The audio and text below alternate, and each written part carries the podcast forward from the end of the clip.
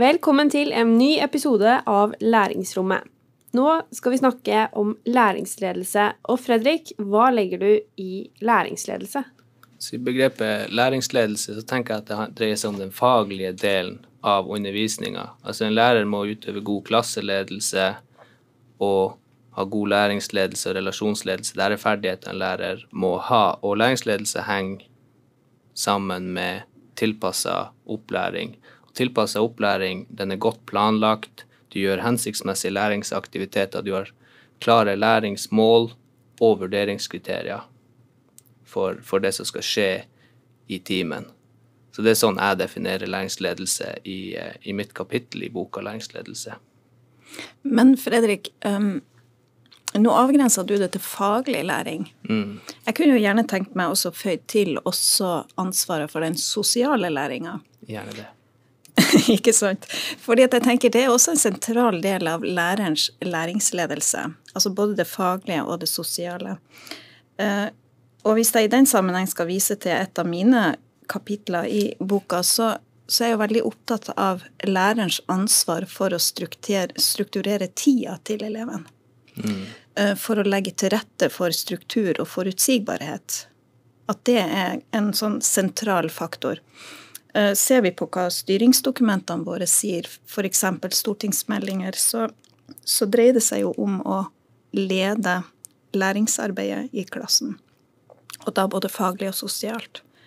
Eh, de snakker også om å lede læringsprosesser, sånn at læreren blir en prosessleder i dette arbeidet.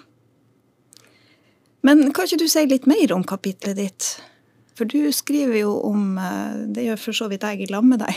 Vi, vi, skriver om samarbeidende læringsledelse. Vi gjør det. Eh, det er som du sier, det er samarbeid om læringsledelsen. For jeg har jo forska på en skole som har flytta alt av spesialundervisning inn i det ordinære klasserommet. Altså De har hatt en, en sånn segregert organisering med grupper utenfor klasserommet. Nå er de flytta inn spesiallærer, den som har ansvar for spesialundervisninga. Ikke nødvendigvis en spesialpedagog, men læreren med det ansvaret følger jo elevene da også inn. Så du får to, i hvert fall to lærere i klasserommet som da må samarbeide om eh, læringsledelsen.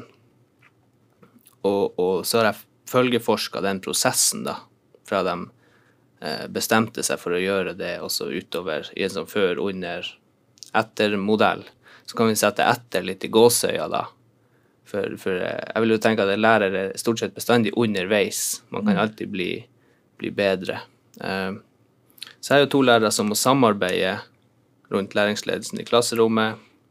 De må prøve å gjøre nytte av sine ulike kompetanser. Men det som ofte skjer når du har to lærere i klasserommet, det er at, at eh, det blir en som er lærer én og driver undervisninga fremover, og så blir det en som assisterer. Det vil ikke være en god eh, samarbeidende læringsledelse. Her må man dra nytte av hverandre. Man kan gjerne kollegaobservere hverandre når man først er to lærere, og utnytte det potensialet som også er der. Men, men, å dele opp klassen igjen sånn at du tar ansvar for de elevene som har spesialundervisning, da har du egentlig bare flytta gruppa inn i klasserommet, men så flytter de likevel litt ut av klassefellesskapet igjen med sin lærer. Og da snakker vi egentlig bare om eh, enkel integrering. Men er ikke det naturlig å tenke sånn, fordi at jeg har en kompetanse som spesialpedagog, og jeg vil jo gjerne bruke den i klasserommet. Og da inn mot de elevene som har enkeltvedtak. Er ikke det naturlig at vi tenker sånn? Det blir fort sånn. Men hvis man får, får de rammefaktorene på plass, altså eh, Det jeg så i min forskning, var tilstrekkelig tid til å planlegge i lag.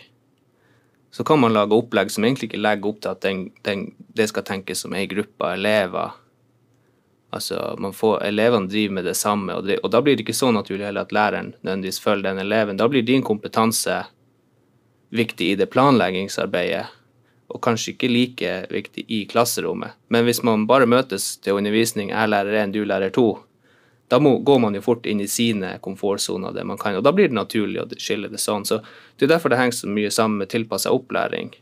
Mm. Og jeg tror den planleggingsbiten, der er det fortsatt mye å hente på mange skoler, fordi jeg tror ikke lærere får nok tid til å tenke og planlegge og evaluere undervisninga si. Jeg tror det blir så mye annet rundt. Jeg så jo det samme i det prosjektet som jeg hadde på, på en skole eh, hvor jeg fulgte to klasser. Eh, og de eh, de valgte også å legge om strukturen sin til å jobbe inn bruken av digitale dagsplaner og bruken av armbåndsur som hadde nedtellingsfunksjon. Mm. For å strukturere tida. Og det var alle tida. elevene hadde et sånt ur, da? Alle elevene ja. hadde, og de kunne trykke på én knapp, så hadde de nedtelling på 15 minutter. Eh, og det kunne de bruke i alle sammenhenger, f.eks. når det var 15 minutter igjen av timen, når de skulle lese 15 minutter, når de skulle jobbe med oppgaver osv. Eh, og, og det vi fant i det prosjektet, var jo at det ga elevene en helt annen ro. Eh, og elevene sa det sjøl. Det er blitt så mye roligere. Det er ingen som maser om hvor lenge det er igjen. Det er ingen som maser om skal vi snart ut, er vi snart ferdig. Og vi ser, eller så i det prosjektet, hvordan elevene falt til ro, også mentalt. Og der tenker jeg et av de andre kapitlene som vi har i denne eh, boka vår om læringsledelse, den, den, ser jo på sammenhengen mellom læringsledelse og psykisk helse. Og da tenker jeg i, i, i forhold til en eh, episode vi har om, hvor vi har snakka om nettopp psykososialt miljø, Gudrun, det her med med struktur opp mot en god psykisk helse. Eh, hvor viktig er det? Ja, det, det er jo kjempeviktig. Det er jo noe som eh, mm, også eh, de elevene som i forhold til det, de som hadde vært utsatt for mobbing, da, eh, de snakka om det med at det var viktig for dem at det ble tryggere, det ble mer eh, forutsigbart når læreren eh, evna å skape god struktur. Mm. Um, og det var også noe som Ikke bare i forhold til trygghet, men også i forhold til det for dem å ha, kunne prestere faglig. Mm. Ja, og det var jo noe lærerne i, i, mitt prosjekt meldte tilbake, at de så jo elever som tidligere har opptrådt som utrygge. De så hvordan de orienterte seg inn på de her digitale tavlene for å se hva, hva kommer nå. Mm. den ene klassen hadde en tavle hvor det var en rød prikk som, som på en måte fulgte dagen. Mm. Og da, da, kunne de raskt se hvor, hvor er vi nå i dagen, hva er forventninga til meg. Eh, den andre klassen hadde en dagsplantavle med bilder, og også der en prikk som, som fulgte. Sånn at det gir elevene en forutsigbarhet som jeg tror er viktig i, i det her arbeidet med læringsledelse. For læreren lager jo den tidslinja, setter på bildene. Altså første time, da gjør vi det. Og så vil jo den følge, mm. og så kommer det friminuttet. Mm. Men det gjør jo også at lærere må tenke mer igjennom dagen og planlegge altså på, på overordna nivå, og så ned på timesnivå, og så, og så mm, videre. Ja. Det krever en annen måte å planlegge på, helt klart enn å bare raskt skrive det på tavla og så viske ut. Og det vi så, var jo ofte at de her manuelle måtene å gjøre det på, så ble det ikke viska ut. Altså de, de, glemte det, og så, og så mista da elevene uh, oversikten. Mm. Uh, og, og, det er det jeg tenker, det her med, med, psykisk helse. altså Hvis man bruker en masse mental energi på å avkode de, de strukturene i skolen, mm. så er det ikke så mye igjen til læringa. Mm. Kanskje det blir tall. Altså at uh, eleven opplever å ikke ha kontroll. Ikke sant? Altså det med autonomistøtte, at det kan være en, en, uh, en vei til det.